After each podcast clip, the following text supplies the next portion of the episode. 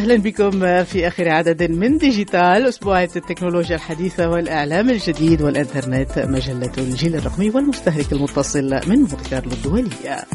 في مجلتنا في فقرة ثقافة الإنترنت تقترح المهندسة هناء الرملي بعض النصائح والخطوات المفيدة لكيفية البحث عن الجذور والأنساب عبر خدمات الإنترنت. في فقرة سؤال ومستمع كيف يمكن معرفة إن كانت بياناتنا من البيانات المسربة من موقع فيسبوك وكيف يمكن حماية خصوصيتنا من تطفل فيسبوك؟ وفي ملف ديجيتال أسلط الضوء على أكثر الهجمات الإلكترونية تطورا وتعقيدا التي شهدها العالم عملية قرصنة شركة SolarWinds الأمريكية التي أدت إلى أزمة دبلوماسية بين روسيا والولايات المتحدة مع الاستشاري والباحث في الأمن السيبراني راغب غندور. ثقافة الإنترنت. البحث عن الجذور والأنساب هو اليوم ظاهرة منتشرة مع الحجر المنزلي بسبب جائحة كورونا. تقترح شبكة الإنترنت خدمات لمساعدة الأفراد في البحث عن جذورهم واكتشاف أنسابهم. وقبل الخوض في هذه المغامرة هنالك بعض النصائح والخطوات التي تقترحها في فقرة ثقافة الإنترنت نتيكات الخبيرة الاستشارية والمدربة في حماية الأطفال والأسرة من مخاطر الإنترنت المهندسة المهندسة هناء الربلي تقول الدراسات أن جائحة كورونا أثرت على مستخدمي الإنترنت ودفعتهم للبحث عن أفراد العائلة والأقارب وأن البحث عن الأصول والجذور هي غريزة إنسانية وأن العرب أكثر الشعوب حرصا على معرفة أصولهم وأنسابهم. فيما مضى كانت الوسيلة الوحيدة للتوصل إلى هذه المعلومات هي البحث في الأوراق الرسمية أو الأرشيف الخاص بالعائلة والعودة إلى كبار السن. أما الآن فتتوفر العديد من هذه الخدمات عبر الإنترنت سواء تطبيقات أو مواقع. لكن قبل البدء بالبحث والاستفادة من هذه الخدمات هناك مجموعة من الخطوات المهمة. وهي البدء بتدوين كل المعلومات التي تعرفها مثل الأسماء، التواريخ، المدن، الدول. التواصل مع أفراد الأسرة من كبار السن وسؤالهم عن أي تفاصيل يذكرونها وتدوين التفاصيل التي تفيدك في البحث. استفد من الصور القديمة والوثائق المتعلقة بالعائلة أو أي أدلة مفيدة في هذا السياق. الخطوات التي تليها البحث في محركات البحث واستخدام الكلمات المفتاحية اسم العائلة فقط، اسم العائلة مع اسم البلد أو اسم المدينة، اسم شخصية مشهورة تنتمي إلى هذه العائلة، البحث عن طرق كتابة اسم العائلة باللغة الإنجليزية أو غيرها واستخدم أكثر من طريقة لتهجئة اسم العائلة مع مراعاة استبدال التعريف في اسم العائلة واستخدام حرفي AL أو EL البحث في الكتب في جوجل حيث يضم الأرشيف كتب تاريخ وكتب أنساب. البحث في كتب الأنساب المتوفرة في مواقع المكتبات التي تتيح الكتب الإلكترونية أو الكتب الورقية. البحث عبر منصات التواصل الاجتماعي مع الأخذ بالاعتبار كل المعلومات والتفاصيل التي جمعتها من قبل. هناك مواقع ومنتديات خاصة بالأنساب القائمون عليها لديهم خبرات ومراجع يمكنهم إفادتك في حال وجهت لهم الأسئلة الخاصة ببحثك عن جذورك وأصولك. هناك مواقع مهمة متخصصة في البحث عن الأصول والأنساب نذكر أهمها. موقع فوربيرس بيقدم خدمة البحث عن شجرة العائلة والنسب ويصلك بالأسماء المتشابهة في شجرة العائلة. هناك طرق للتواصل من خلال الموقع. كما يقدم خريطة للعالم ترشد عن انتشار من يحملون نفس اسم العائلة في أي بلد. كذلك تعطي احتمالات عديدة لطرق كتابة اسم العائلة. موقع آخر هو موقع Find My Pass يسمح لك من خلال البحث في السفر عبر الزمن. موقع My Heritage يتيح البحث عن أسماء العائلات وإنشاء شجرة للعائلة ودعوة أقاربك لكتابة امتداد للشجرة وإضافة ما لديهم من معلومات.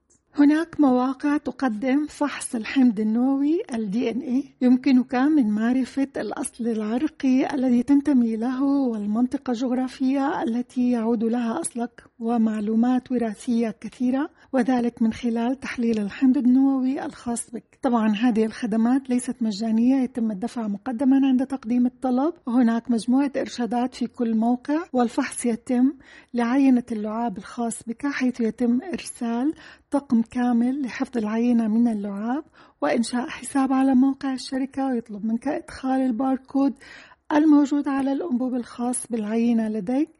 وخلال مدة زمنية معينة يتم إضافة تقارير عن النتائج في حسابك بالموقع واكتشاف ما تقوله عينة الحمض النووي الخاصة بك. والتي تحدد نسبك وأصلك كما يوفر لك الموقع شبكة من الأفراد سبقوك لهذه الخدمة ويرتبطون معك بنفس الأصول مع ذكر درجة القرابة بينكم كما يتيح ميزة التواصل معهم. شكرا للمهندسة هناء الرملي مع كل تقديري وعرفاني لعطائها ولتطوعها الدائم لتوعية الأسرة والأطفال في العالم العربي للاستفادة من خدمات الإنترنت وحمايتهم من مخاطرها.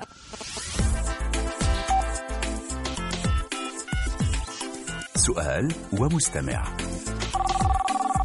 بعد الكشف بداية شهر إبريل عن تسريب البيانات الشخصية لأكثر من نصف مليار حساب فيسبوك في منتدى خاص بالقراصنة وبعد تبين أن مستخدمي فيسبوك في مصر وتونس هم الأكثر تضررا من تسريب البيانات الشخصية في العالم العربي وردتني أسئلة لمعرفة كيفية معرفة البيانات المسربة. لقد اقترحت موقع Troy Hunt، Have I Been Pwned?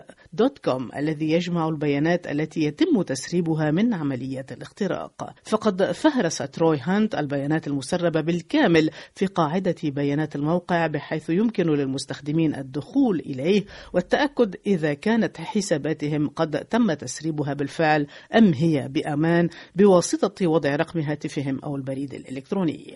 والنصيحة هي ترك كل بيئة فيسبوك من موقع فيسبوك إلى إنستغرام وواتساب وغيرها. أما الذين يترددون في قطع هذا الحبل الأزرق بالرغم من قلقهم أنصحهم بتثبيت بعض الإضافات والتطبيقات لمساعدة المستخدم على حماية خصوصيته ووقف تتبع المنصات الاجتماعية ومواقع الإنترنت كإضافات Ghostery و Privacy Badger وأيضا وأيضا Facebook Container وهو كناية عن مستوعب خاص لاحتواء منصة فيسبوك ومنعها من التلصص على ما يقوم به المستخدم وما هي الخدمات والبرامج التي يستعملها. ملف الأسبوع. في آخر حلقة من برنامج ديجيتال وفي تلبية لأسئلة عدة من المستمعين والمتابعين سأسلط الضوء على أضخم عملية قرصنة إلكترونية حدثت أواخر العام الماضي والتي ستغير حتما قواعد لعبة الحروب الإلكترونية والتجسس بين الدول بعد الكشف عن عملية قرصنة ضخمة استهدفت شركة SolarWinds الأمريكية التي تستخدم منتجاتها من قبل الوكالات الفيدرالية والحكومية الأمريكية والشركات الأمريكية الكبرى. وحسب SolarWinds أن ما يصل إلى أكثر من ثمانية ألف عميل وأكثر من مئة شركة أمريكية قد تأثروا بهذا الاختراق. أذكر أن شركة FireEye للأمن السيبراني وأمن المعلومات التي اكتشفت هذا الاختراق كانت من ضمن ضحاياه تم الاختراق من خلال منصة أوريون التي تستخدم لإدارة شبكات الكمبيوتر والإشراف عليها وكانت قد أعلنت واشنطن يوم الخميس في الخامس عشر من أبريل عن فرض عقوبات مالية على موسكو وطرد دبلوماسيين روس نتيجة هذه القرصنة. وتتهم واشنطن روسيا بتدبير الهجوم الإلكتروني ويتهم البيت الأبيض صراحة جهاز المخابرات الخارجية ال Foreign Intelligence Service أنه مدبر هذه العملية وخلفها القراصنة المعروفون بال APT 29 أو Cozy Bear. وحسب رئيس مايكروسوفت براد سميث أن ما لا يقل عن ألف مطور شاركوا في تحضير وتنفيذ عملية القرصنة هذه التي وصفت بأنها أكثر الهجمات تطورا التي شهدناها على الإطلاق والتي تذكر بأدوات وأسلوب الهجمات الإلكترونية على أوكرانيا وأيضا برمجية نات بيتيا الخبيثة. وبسبب تعقيد هذه الهجمات وسرية الوكالات المستهدفة كوزارة التجارة الأمريكية ووزارة الخزانة الأمريكية ووزارة الداخلية الأمريكية ووزارة الطاقة الأمريكية ووزارة الدفاع الأمريكية ووزارة الصحة والخدمات الإنسانية الأمريكية والإدارة الوطنية للاتصالات والمعلومات وغيرها من الوكالات الاستخباراتية. تبقى الأضرار الحقيقية غير معروفة.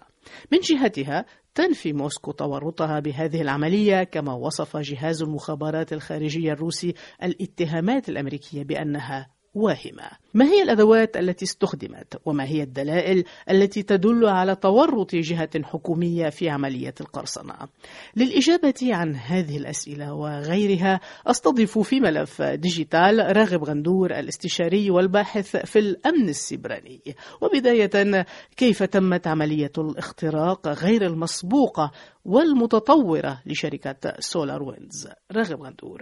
هجمة SolarWinds المعروفة ب Sunburst أو سوبر نوفا تم استخدام تقنية معقدة من أجل اختراق ما يسمى بخط الإمدادات إدماج المستمر والنشر المستمر التي هي تقنية تستخدم مع التحديثات للبرمجيات المستخدمة ضمن مختلف الشركات. SolarWinds كشركة للمعلوماتية تزود خدماتها لعدة مؤسسات تعمد على إحداث تحديثات بشكل دوري من أجل سد الثغرات الأمنية، المفارق للأمر أن هذه الثغرات التي كان يجب سدها أدت إلى الاختراق هذه المؤسسات، المهاجمين ما فعلوه هو دمج ما يسمى بحصان طروادة التي هي برمجية خبيثة ضمن supply chain attack التي هي الاختراق لخط الإمدادات لإسقاط هذه البرمجيات الخبيثة على أجهزة بأن SolarWinds ف SolarWinds كانت فقط الواجهة من أجل اختراق عدة مؤسسات في الخلفية. راغب غندور ما هي طريقة الاختراق؟ وبالتالي ما هي الأهداف وراء عملية الاختراق هذه؟ طريقة الاختراق التي حدثت هو استخدام الخلية النائمة. فما قاموا به هي اختراق الأنظمة والأجهزة عن طريق تحديثات SolarWinds الغير شرعية أو المفبركة. نام حصان طروادة في هذه الأجهزة وهذه الخوادم التي تم اختراقها لمدة تصل بين 12 و 14 يوم. عادة من أجل القدرة على حصول تنبيه أو قيام بما يعرف بالفورنزكس لا يتم مراقبة هذه الفترة من من الأيام. يتم مراقبة ما هو حديث عاده المقرصنون يستخدمون الهجوم العنيف. فهذه كانت تقنية جدا سلسة. ممكن أن نقول أن هذه العملية كانت أشبه بالشبح. فكانت عملية معقدة جدا والأدوات المستخدمة ليست معروفة ولكن هنالك بعض الشبهات. هو أن شركة FireEye التي ذكرتيها حدث عندها اختراق لبرمجياتهم المعنى بال red teaming penetration testing وهي أدوات تستخدم من أجل مراقبة كيف يمكن أن نخترق جهاز أو خوادم.